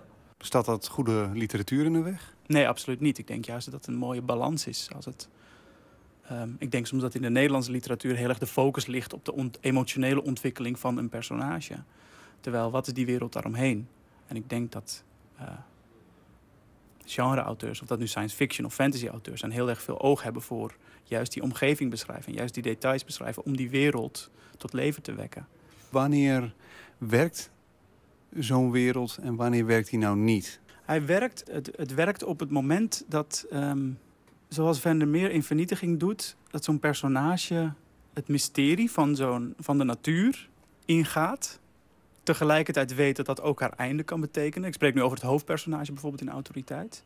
Dus dat die natuur gevaarlijk is. Um, um, maar waar tegelijkertijd een enorme aantrekkingskracht van uitgaat. Dan, dan werkt het voor mij heel goed. Als ik die dualiteit als lezer ook, ook lees. Dat vind ik interessant. Um, dat, je de, dat je de strijd mee kan volgen van het hoofdpersonage. Waarom hebben we daar minder van hier in Nederland? Goh, dat is een hele goede vraag. Nou, misschien moet ik, hem, moet ik hem op een, op, via een iets andere hoek beantwoorden.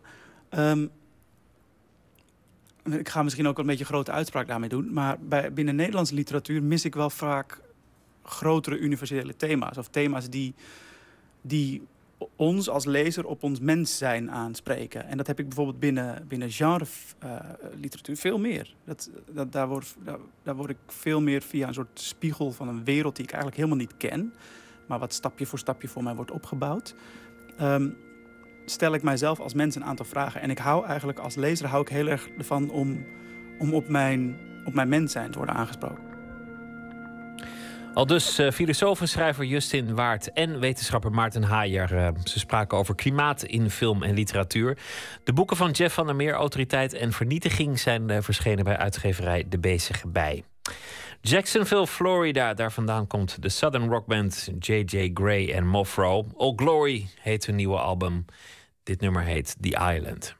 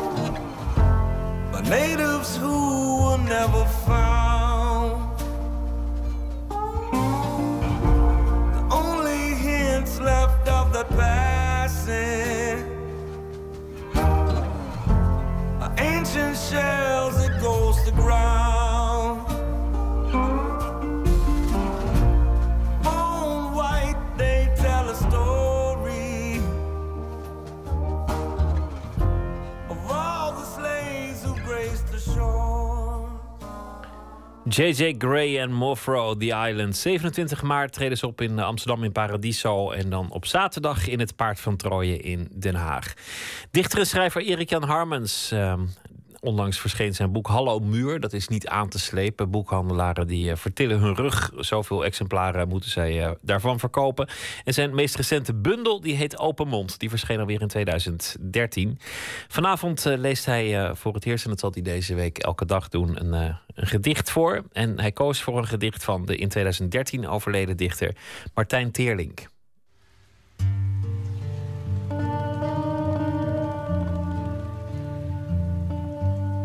Dit is een gedicht van Martijn Teerlink uit zijn bundel eh, Ademgebed. Martijn Teerlink is eh, eh, ruim een jaar geleden overleden. Dus het is zijn debuutbundel en meteen ook zijn laatste bundel. En het is ehm, een, een gedicht als een lied uit het liedboek.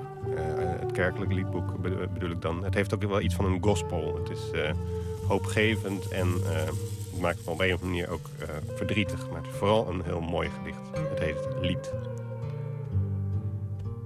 Ik heb een brede lach van afgeknipte takken.